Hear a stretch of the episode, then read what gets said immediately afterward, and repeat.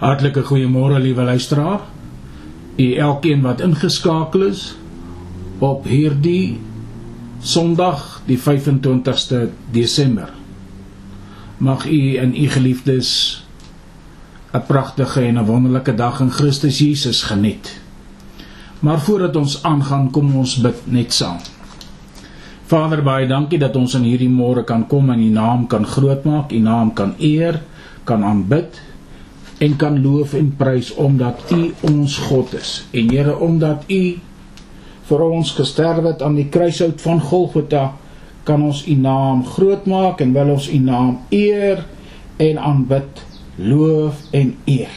Want Vader, daar is niemand soos U nie. U alleen is koning en U alleen is God en Here, ons loof U, Here Jesus, vir die prys wat U vir ons betaal het aan die kruishout van Golgotha. En Here help vir ons in hierdie môre om te lewe soos ware Christene veronderstel is om te lewe. En Here dat ons altyd U naam sal verkondig, U naam sal groot maak, U naam sal uitdra en vir U ambassadeur sal wees in hierdie wêreld. Here baie dankie dat ons vanmôre op U kan staatmaak o Heilige Gees. Dankie dat u hierdie boodskap na elke hart toe sal oorbring en sal oordra. Here, soos u alleen wil o Gees van God, want Here, ons kan hoeveel keer preek en as u Gees dit nie dryf nie, dan beteken dit vir ons niks. Dankie Here dat ons vanmôre kan kom en net u naam kan verkondig ook in hierdie dag. En ek vra Here, help my om u naam te verkondig, u woord te verkondig en die evangelie van Jesus Christus te verkondig. Ons dank u daarvoor, Vader, in Jesus se wonderlike naam. Amen. Liewe luisteraar, soos u by nou al my ken vir die afgelope 3 jaar wat ek hierdie woord aan u bedien, Sondag vir Sondag sover dit vir my moontlik is is u dan ook bewus dat ek in persoon ek en my familie nie Kersfeesvierende mense is nie. Nee. Hoekom? Want u sien die Here Jesus het dit nie aan ons verkondig om te doen nie Nêrens in die woord in die Bybel kry ons dit dat ons die Here Jesus se geboorte eh, moet herdenk nie, maar wel sy dood en sy opstanding. Dit is hy wat self aan sy disippels sê. En wanneer julle bymekaar kom om my dood en my opstanding te vier. Ek het 'n wrevel daarin die feit dat wanneer dit kom na by Kerstyd en ag, deesdae is dit sommer al hier van Oktober af dat die sekulêre wêreld, die besigheidswêreld, die winkels, die die plekke wat goed verkoop nog steeds die Here Jesus voorstel as 'n baba in die krib. Ja, ons weet hy's gebore. Wanneer dit is, is ons nie seker nie. En ek glo dat die Here het dit so besluit en beplan om nie vir ons te sê nie, juis omdat ons nie daaroor bekommerd hoef te gewees het nie. Maar jy sien die wêreld het ag en ek wil nie met u die die geskiedenis kom saamloop nie, maar u weet dit self en u kan maar gaan oplees en u kan maar gaan navorsing doen en dan sal u dit vind. Dit bewys iets van hulle denke naamlik Jesus het nog nooit in al die 2022 jaar opgegroei nie. Met ander woorde, hy het nog nooit sy goddelike roeping as Jesus die lam van God uitgevoer en gesterwe nie kan dit nie klein kry dat die mense jaar na jaar dieselfde prente van Jesus in die krib en sy moeder en vader vertoon in die vensters van die winkels om kliënte te lok, om geskenke vir hulle kinders en hulle kleinkinders te koop. En dit is nie waaroor dit gaan nie. Dit gaan nie oor geskenke nie. Kersfees gaan nie oor geskenke nie. Kersfees gaan oor die seun van God wat vir ons gebore is. Hoekom moet ons vir mekaar dan geskenke gee? Vir watter rede? Dink bietjie self daaroor na. Jy weet want jy sien Vader Kersfees gaan vir jou 'n paar geskenke by die Kersboom kom neersit. Hoe kan ons as Christen gelowiges ons kinders so belieg met hierdie heidense storie? Nee wat? Ek sal hulle wanneer hulle groot is vertel meneer mevrou waarmee is julle besig? Hoor wat sê Jeremia 10 vanaf vers 2. Luister baie mooi. So sê die Here: Maak julle nie gewend aan die weg van die heidene nie en skrik nie vir die tekens van die hemel omdat die heidene daarvoor skrik nie. Want die insettinge van die volke is nietigheid. Want 'n boom uit die bos kap hulle om die handewerk van 'n ambagsman met 'n byl Hulle versier dit met silwer en goud, klink dit vir jou bekend? Hulle maak dit vas met spykers en hamers dat dit nie waggel nie.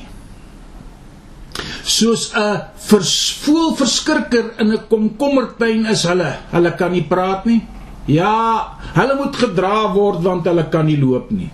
Wees nie bevrees vir hulle nie want hulle kan geen kwaad doen nie. Maar daar is ook geen goed doen by hulle nie. Geen een is soos U nie. O Here, U is groot en U naam is groot in krag. Wie sou nie U vrees nie? O koning van die nasies, want U kom dit toe.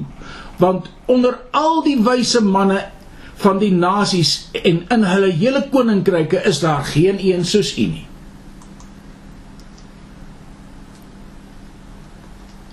U sien ons moet vir onsself 'n baie mooi vraag vra. Wie is soos God? Want vers 8 sê: "Maar almal saam word hulle dom en dwaas. Die tugtiging van nietige afgode, dit is hout. Silwer wat platgeslaan is, word uit Tarsus gebring en goud uit Efas." die werk van 'n ambagsman en van die hande van die goudsmid pers en purperrooi o koeks kyk die klere is hulle klere 'n werk van kunstenaars is hulle almal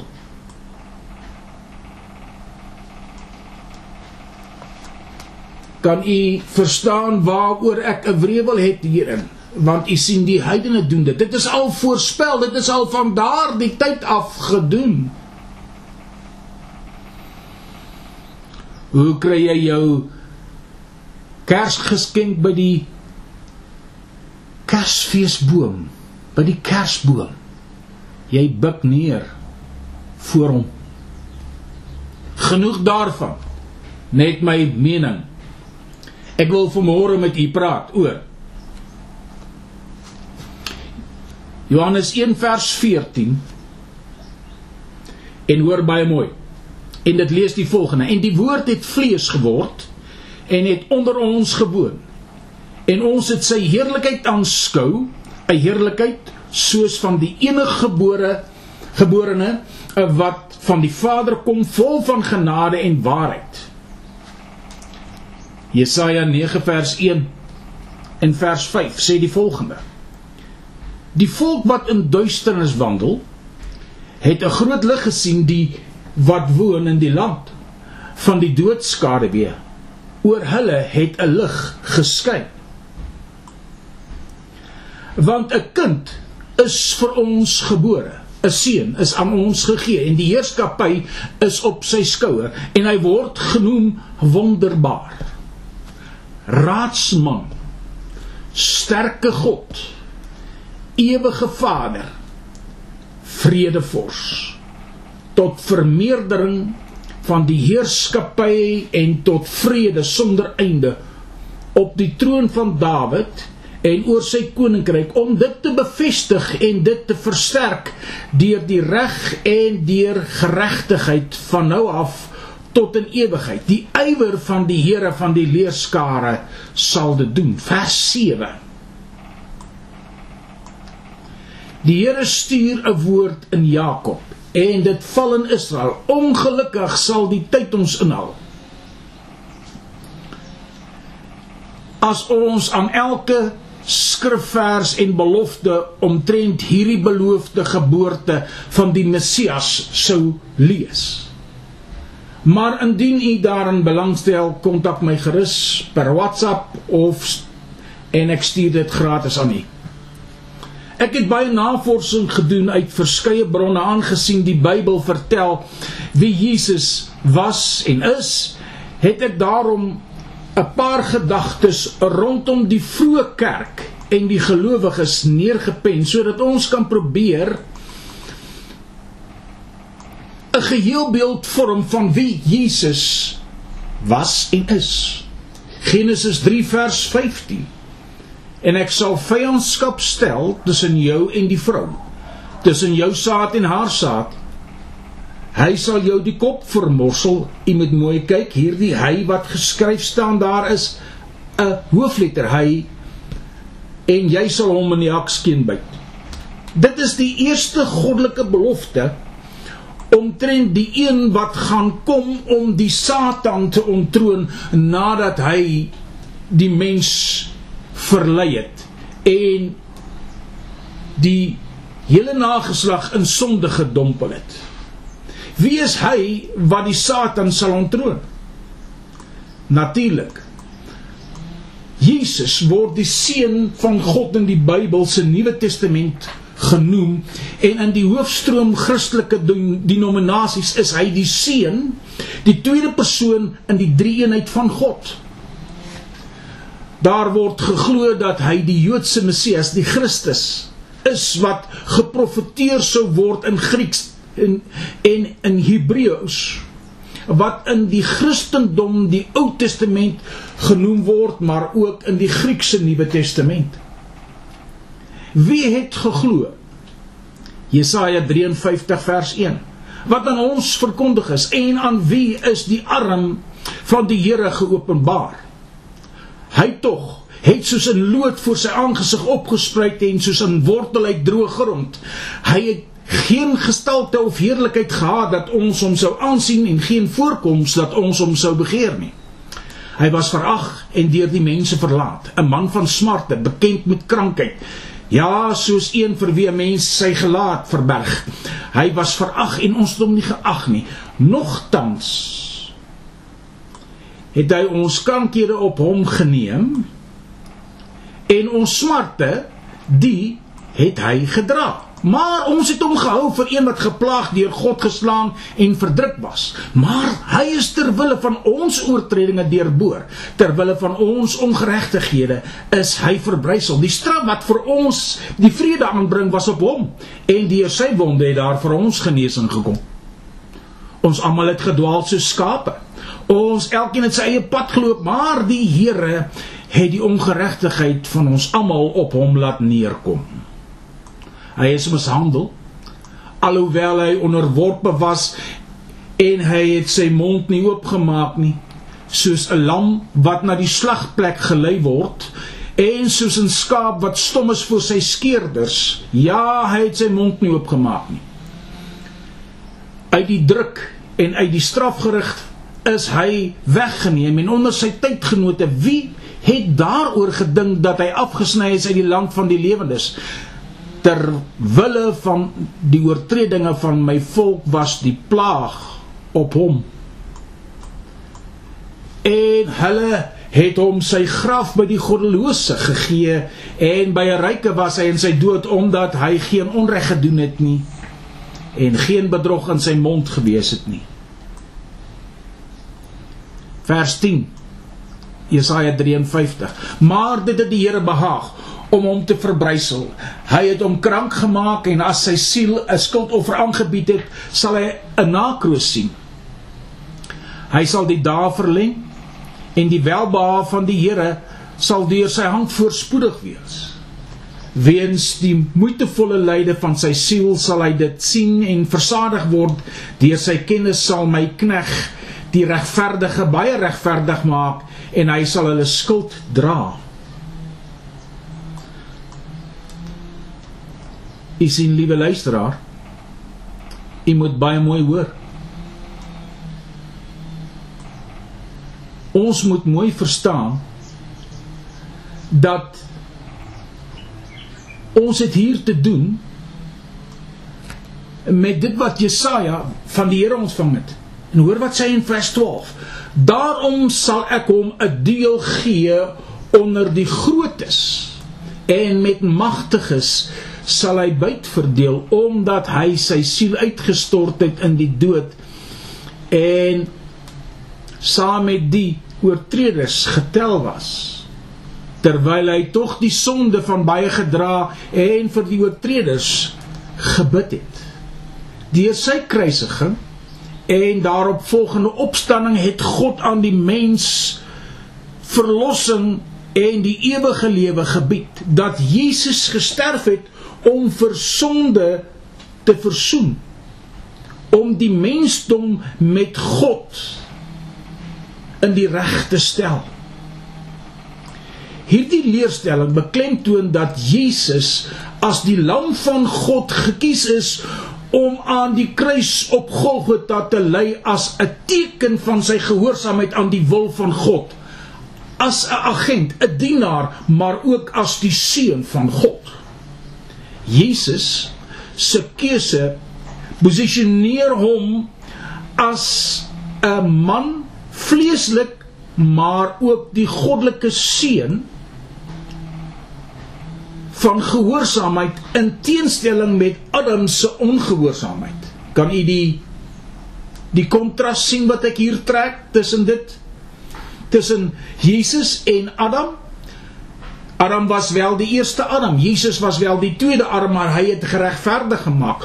Volgens die Nuwe Testament, nadat God hom uit die dood opgewek het, het Jesus na die hemel opgevaar om aan die regterhand van God te sit en hy sal weer na die aarde terugkeer vir die laaste oordeel en die vestiging van die koninkryk van God.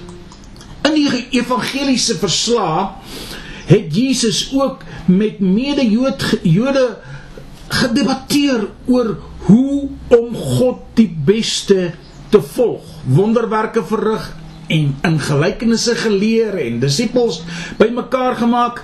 Christene volg die morele leerstellings van Jesus. Terwyl daar teologiese debat oor die aard van Jesus was, glo die trinitariese Christene Trinitaries beteken die drie een eenhede drie drie eenheid gelowiges Christene dat Jesus die logos die woord is heeltemal reg volgens Johannes 1 vers 14 God geïnkarneer God die seun en God die God waardig en die ware mens ook. Beide die volle goddelike en ten volle menslik. Nadat Jesus in alle opsigte volkomme mens geword het, het hy die pyne en die versoekings van die sterflike men, man gelei. Maar hy het nie gesondig nie. Alhoewel Christelike sienings van Jesus verskil, is dit moontlik om die sleutelelemente van die oortuigings wat hierdie groot Christelike denominasies gedeel het op som op te som deur 'n kategese of 'n beleidende tekste te ontleed. Christelike sienings van Jesus is afgelei van verskeie Bybelse bronne, veral uit die kanonieke evangelies en die Nuwe Testamentiese briewe soos die Pauliniese briewe die Christene meen die hoofsaaklik dat hierdie werke histories waar is. Daardie Christelike groepe en denominasies wat verbind is tot wat as Bybels ortodokse Christene beskou word, stem byna almal saam dat Jesus en hier kom die volgende paar stellings uit 'n maagd gebore is. En hy is ten volle mens, maar ook ten volle God. Nog nooit tydens sy bestaan gesondig het nie. Is gekruisig en is in 'n graf begrawe. Op die 3de dag uit die dood uit opgestaan, uiteindelik terug na God die Vader opgevaar en hy sal terugkeer aarde toe. Sommige gro groepe wat as Christene beskou word, hou oortuigings wat as heterodoks beskou word, byvoorbeeld gelowiges en monoteïstiese Hulle verwerp die idee dat Christene twee nature het, een menslik en een goddelik.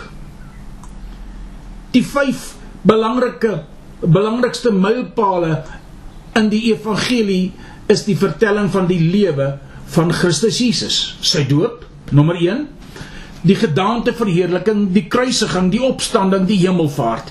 Hierdie is gewoonlik tussen 2 en ander episodes sy geboorte aan die begin en dit stuur die stuur van die parakleet, die Heilige Gees aan die einde. Die evangelie verslae van die leringe van Jesus word dikwels aangebied in terme van spesifieke kategorieë wat sy werke en sy woorde behels, byvoorbeeld sy bediening, die gelykenisse en die wonderwerke. Christus heg nie net teologiese betekenis aan die werke van Christene, skus, Christene heg nie heg nie net teologiese betekenisse aan die werke van Jesus nie, maar ook aan sy naam toewydings aan die naam van Jesus gaan terug na die vroegste dae van die Christendom. Hierdie bestaan vandag in beide die oosterse en die westerse Christendom, beide Katoliek en Protestants. Christene bely hoofsaaklik dat hulle deur Jesus se lewe, sy dood en opstanding die mensdom se gemeenskap met God met die bloed van die Nuwe Test Nuwe Testament die verbond herstel word. Sy dood aan die kruis word verstaan as 'n verlossende offer, die bron van die mensdom se redding en die verzoening vir sonde wat die menslike geskiedenis deur die sonde van Adam binne gekom het. Christus, die Logos en seun van God In die eerste bladsy van Markus wat deur Sargus Pitsak in die 14de eeu geskrywe is, begin hy die volgende: Die begin van die evangelie van Jesus Christus die seun van God. Maar wie sê julle is ek? In Matteus 16 vers 15 en 16 vra die Here Jesus. Net Simon Petrus antwoord hom: U is die Christus, die seun van die lewende God. Jesus is middelaar, maar die titel beteken meer as iemand tussen God en mens. Hy is nie net 'n derde party tussen God en die mensdom nie. Hy is eintlik die tussenganger. As ware bring God, bring hy God na die mensdom en as ware bring hy die mens na God toe. Paulus verwys na die gesegde wat uit volksgeleerdere kom, naamlik in Galasiërs 3 vers 13. Christus het vir ons het ons losgekoop van die vloek van die wet deur vir ons 'n vloek te word. Want daar is geskrywe: Vervloek is elkeen wat aan 'n hout hang. Hierdie woord hout beteken eintlik 'n enkele paal wat in die dae van die Romeine gebruik was en is in 30 na Christus of uh skuis 82 na Christus oorgedra en het ek het toe nou 'n kruis gevorm soos wat ons dwarsbalk het. Want in die dae van die Romeine het Jesus as ware met sy hande oor mekaar na bo uitgestrek en onderwyl sy voete langs mekaar met gebo knieë was dit die simboliek van sy voete op die aarde aards en die hande na bo die hemelse verbintenis en hy was dus die middelaar vir ons gekruisig. Vir die meeste van die Christene was Jesus oor die algemeen die Christus, die langverwagte Messias, sowel as die enigste seun van God. Die openingswoorde in die evangelie van Markus 1 vers 1, die begin van die evangelie van Jesus Christus, die seun van God, voorsien Jesus van die twee afsonderlike eienskappe as Christus, aards en as seun van God, goddelik. Sy goddelikheid word weer in Markus 1 vers 11 bevestig. En daar het 'n stem uit die hemel gekom. U is my geliefde my geliefde seun in wie ek 'n welbehae het. Matteus 1 vers 1 wat wat begin deur Jesus die Christus te noem en in vers 16 dit weer te verduidelik met die woord van bevestiging Jesus wat Christus genoem word. In die Pauliniese briewe word die woord Christus so nou met Jesus geassosieer dat dit vir die vroeë Christene klaarblyklik nie nodig was om te beweer dat Jesus die Christus was nie want dit was as algemeen aanvaar onder hulle. Daarom kon kom Paulus en hy skryf die term Christus gebruik onder enige verwarring en dit beteken na wie hy verwys het soos in 1 Korintiërs 4 vers 15 lees as volg want al sou julle 10000 tugmeesters in Christus hê nou ja as jy dit in die Grieks lees dan sou dit nou basies lees al sou julle 10000 tugmeesters in Christus hê dan het julle tog nie baie vaders nie.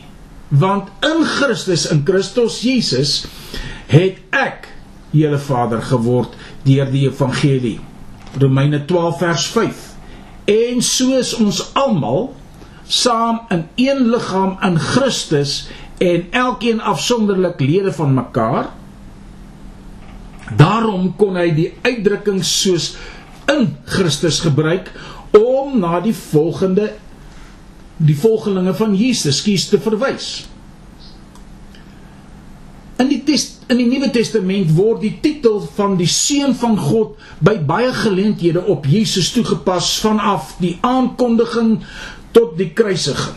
Die verklaring dat Jesus die seun van God is, word baie in dit uh, word deur baie individue in die Nuwe Testament gemaak en by twee geleenthede word dit deur God die Vader as 'n stem uit die hemel en word Jesus self beweer.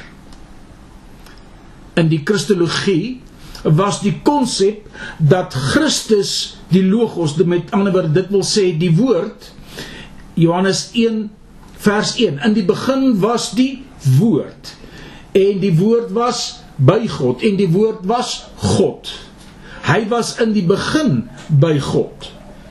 Alle dinge het deur hom ontstaan en sonder hom het nie een ding ontstaan wat ontstaan het nie. In hom was die lewe en die lewe was die lig van die mense en die lig skyn in die duisternis en die duisternis het dit nie oorweldig nie. Dis belangrik in die vestiging van die leerstelling van die goddelikheid van Christus en sy posisie as God se seun in die drie-eenheid. Die aanhaling word hier benodig soos die uiteengesit in die uh Chalcedonian, die geloofsbelijdenis. Die spruit dit dit spruit uit die opening van die evangelie van Johannes wat algemeen in Engels vertaal word in die begin was die woord en die woord was by God en die woord was God. In die oorspronklike koinoi uh word Grieks vertaal as die woord en die teologiese diskurs word dit dikwels in sy Engelse getranslitereerde vorm logos gelaat. die maklikste manier om dit te verstaan is die leerstelling dat Jesus die woord van God uit die boesem van die Vader gekom het Psalm 2 vers 7 Ek wil vertel van die besluit die Here het aan my gesê U is my seun vandag het ek U self gegenereer en in 'n lewende wese geword wat toe op 'n boernatuurlike wyse in 'n fetus in die baarmoeder van die maagd Maria oorgedra is soos bely word deur die gelowiges in Christus. Die voortbestaan van Christus verwys na die bestaan van Christus voor sy menswording as Jesus een van die relevante Nuwe Testamentiese gedeeltes in Johannes 1 vers 1 tot 18 waarin die uh trinitariese siening Christus geïdentifiseer word met die voortbestaande uh, goddelike hypostase genoem logos of woord. Hierdie leerstelling word in Johannes 17 vers 5 herhaal wanneer Jesus verwys na die heerlikheid wat hy by sy Vader gehad het voor die wêreld was tydens die afskeidsrede of soos ons dit ken of soos u dit baie dalk ken die hoëpriesterlike gebed Johannes verwys ook na die Vader wat Jesus liefhet voor die grondlegging van die wêreld nie trinitariese sienings oor die voortbestaan van Christus verskil met sommige van, uh, wat dit verwerp en ander wat dit aanvaar. Na die apostoliese tydperk vanaf die 2de eeu vorentoe het verskeie kontroversies ontwikkel oor hoe die menslike en goddelike verwant is binne die persoon van Jesus. Uiteindelik is die konsep van die hypostasiese vereniging bepaal. Naamlik dat Jesus beide ten volle goddelik en ten volle mens is. Verskille tussen die Christelike denominasies het egter daarna voortgeduur met sommige van die hypostatiese unie verwerp het ten gunste van die monofeistiese die inker, inkarnasie, die geboorte en die tweede Adam. Uh hoofartikels is die menswording, die Christendom, die geboorte van Jesus en die tweede Adam.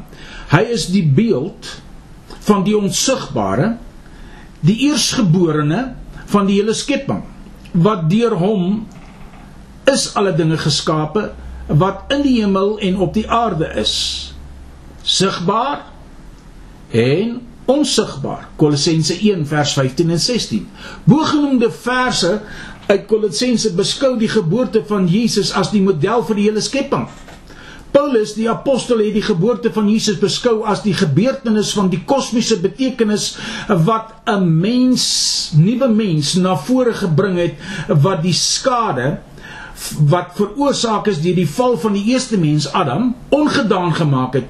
Net soos die Johannes se siening wat van, van Jesus as die vleesgewordene logos die universele relevantie van sy geboorte verkondig en beklemtoon die pauliniese perspektief die geboorte van 'n nuwe mens en 'n nuwe wêreld in die geboorte van Jesus. Paulus se eskatologiese eskatologiese uh, siening van Jesus 'n teen posisioneer hom as 'n nuwe mens van moraliteit en gehoorsaamheid in teenstelling met Adam anders as Adam gehoorsaam die nuwe mens Jesus God en lei die wêreld van mortaliteit en redding in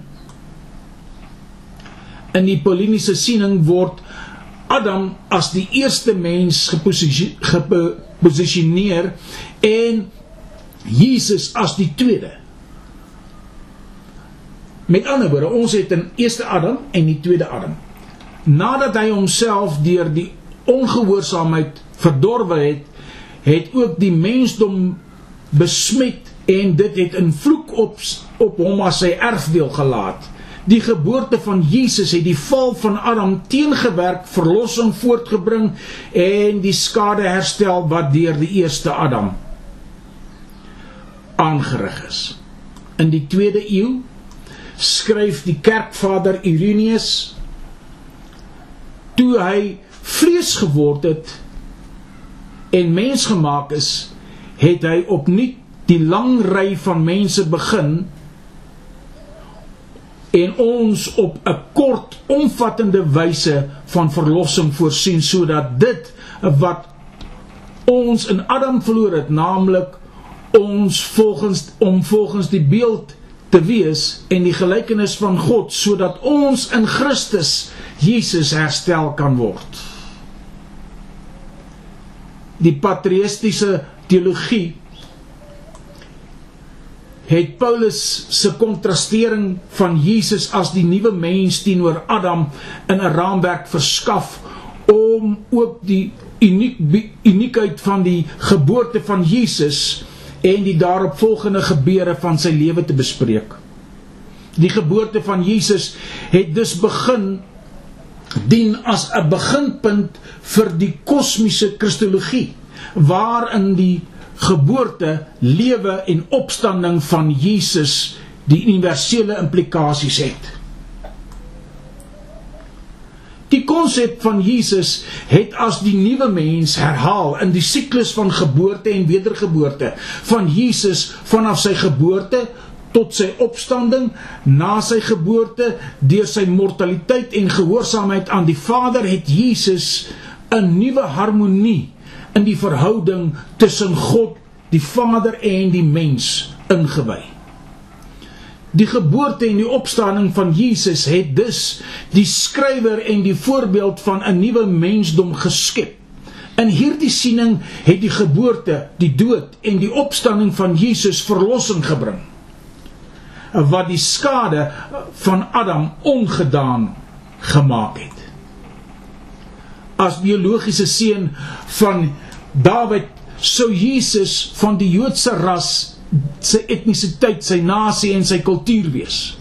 Een argument hierteen sou 'n teenstrydigheid in die Jesus se geslagregisters wees. Matteus sê hy is die seun van Salomo en Lukas sê hy is die seun van Nathan. Salomo en Nathan is broers. Johannes van Damaskus het geleer dat daar geen teenstrydigheid is nie. Want Nathan het met Salomo se vrou getrou nadat Salomo gesterf het in ooreenstemming met die skrif naamlik Hib ben die mitswa dat 'n man sy broer se kinderlose weduwee moet trou. Jesus het in Galilea groot geword en baie van sy bediening het daar plaasgevind. Die tale wat daar gedurende die eerste eeu na Christus in Galilea en Judea gepraat is, sluit Joods, Palestyns, Aramees, Hebreëus en Grieks met Aramees as die oorheersende oorheersende taal. Daar is is aansienlike konsensus dat Jesus die meeste van sy leringe in Aramees en in die uh, Galileese dialek gebring het. Die kanonieke evangelies beskryf Jesus wat sit sit gedra, die tossels op die ta, op die taliet in Matteus 14 vers 36 en Lukas 8 8 vers 4 uh, 42 en 4 tot 44. En toe toe dit dag geword het, het hy uitgegaan en na 'n verlate plek ver, vertrek. En die skare het hom gesoek en by hom gekom en hom teëgehou dat hy nie sou weggaan nie.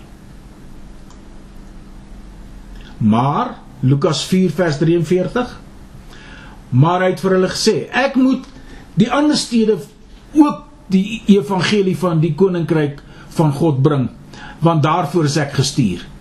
En hy het verder in die sinagoges Lukas uh, 4:44 van Galilea gespreek daar benewens bevat die kanonieke Nuwe Testament geen beskrywing van Jesus se verskyning voor sy dood nie. Die evangelieverhale is oor die algemeen onverskillig teenoor mense se rasse, voorkoms en kenmerke. Om slegs hierdie deel af te sluit is daar vir ons duidelike bewyse van Jesus se geboorte en sy sending wat in Johannes 10 vers 10 en 11 opgeteken is. Luister mooi, die dief kom om te steel en te slag en te verwoes. Ek het gekom dat jy lewe in en oorvloed kan hê. Ek is die goeie herder. Die goeie herder lê sy lewe af vir die skape. Hy is gebore om weer te sterwe vir u en vir my aan daardie vloekhout op Golgotha. Ek het een vraag. Wat maak ons met die genade wat elke dag na ons uitgestuur word deur die Heilige Gees? En hy pleit my kind gee my jou hart. Kan ek vir jou 'n voorstel maak in hierdie môre? Maak klaar en kry klaar met sonde voordat u nie weer 'n kans kry nie want ons weet nie. U weet soos wat ons vanoggend hier sit het daar gister in 'n voorstad van Boksburg in Suid-Afrika en ek dink u sal dit al oor die nuus gesien het gisteraand het daar 'n verskriklike ontploffing plaasgevind toe 'n drywer onder deur 'n brug met 'n volvrag gas in sy tank vasgesit en gery en geskuur het en uiteindelik het daar 'n vonk gekom. 60 mense plus het hulle lewe verloor. 'n swart kersfees vir Suid-Afrika. As ek dit so kan sê voor om nie eens dit wat op die paaie gebeur en gaan gebeur en nog sal plaasvind daarby te tel nie. Wat het ons oor om te vier? As u na daardie foto's kyk en ek glo u sal dit aangestuur kry by deur een of iemand wat onverskillig is teenoor mense se gevoelens. Dan sal u sien hoe verskriklik is dit. Daardie mense het nog ek glo gaan 'n paar inkopies doen vir 'n kossie wat hulle wou gaar maak vir hulle mense op vandag en is dit nooit gegee nie. Ek sien ons het nie ons lewe in ons eie hand nie en ek wil nie op met sentiment op jou speel nie, maar ek wil vir jou sê, liewe mens, jy wat vanmôre na my luister, jy mag dalk vandag jou laaste skaapbout of chop of steak of wat ook al jy gaan gaar maak of ribbietjie maak nie saak wat nie of stuk vis of snoek of wat ook al jy gaan gaar maak. Dit mag jou laaste ete wees in hierdie môre. En jy kan sê ag prediker moenie op my sentiment speel nie. Ek speel nie op sentiment nie. Ek sê vir jou die waarheid Want u sien, ons het nie mag oor lewe en dood nie. Slegs God die Vader het mag oor lewe en dood. En daarom wil ek vir jou vra. Kry klaar met jou sondige lewe. Kry klaar met jou gedrinkery, meneer, mevrou. Kry klaar met jou dwelms, kry klaar met jou pornografie kry klaar met sonde. Dat jy by God uitkom en alleenlik Jesus Christus is die een na wie toe jy en ek kan gaan vir vergifnis want hy is die een wat vergewe. So sê die Bybel. Ek wil jou 'n geleentheid gee en ek gaan saam met jou bid Dink bietjie mooi daaroor na. Ek gee jou 'n paar sekondes. Hoe staan jou saak met die Here vanmôre? As dit jou laaste ete is, waar gaan jy heen hierna? as jy sou sterwe, meneer, mevrou, jong man, jong dame. Seun, dogter, maak nie saak hoe oud jy is nie. As jy my my stem kan hoor en jy verstaan hierdie boodskap vanmôre, is redding vir jou beskore. Want Jesus het vir ons gebore geword om weer te sterwe sodat hy vir ons aan die kruis verzoening gedoen het. Deur sy bloed vir ons te stort. Kan ek saam met jou bid? Kom ons bid saam. Here, U ken elke persoon wat nou na hierdie boodskap luister. Vader, dis my gebed dat U elke een wat vanmôre hierdie boodskap hoor en nou in hulle hart getref is deur hierdie vraag. Here dat hulle na U toe sal uitreik. Here dat hulle hulle hande sal uitsteek na U en sê Here, red my, ek is ver verlore. Maak my 'n nuwe mens, Here, ek neem U aan as my persoonlike saligmaker, heiland en Here. En Vader, ek bid dat in Jesus naam U my sonde vergewe, want U woord sê vir ons in 1 Johannes 1 vers 9, as ons ons sondes bely, U is getrou en regverdig om ons die sondes te vergewe en van alle ongeregtigheid te reinig. En as jy nog nie daardie gebed gebid het nie, bid dit vanmôre. Baie dankie dat u na my geluister het. Mag u 'n pragtige geseënde Christusdag hê en mag u en u gesin en u familie geseënd wees. Ons bid dit Vader alles in Jesus naam. Amen. Liewe luisteraar, u kan my kry per WhatsApp plus 2776840138 of per e-pos by dr.af.weyers55@gmail.com en mag die Here u seën. Gaan in sy vrede. Amen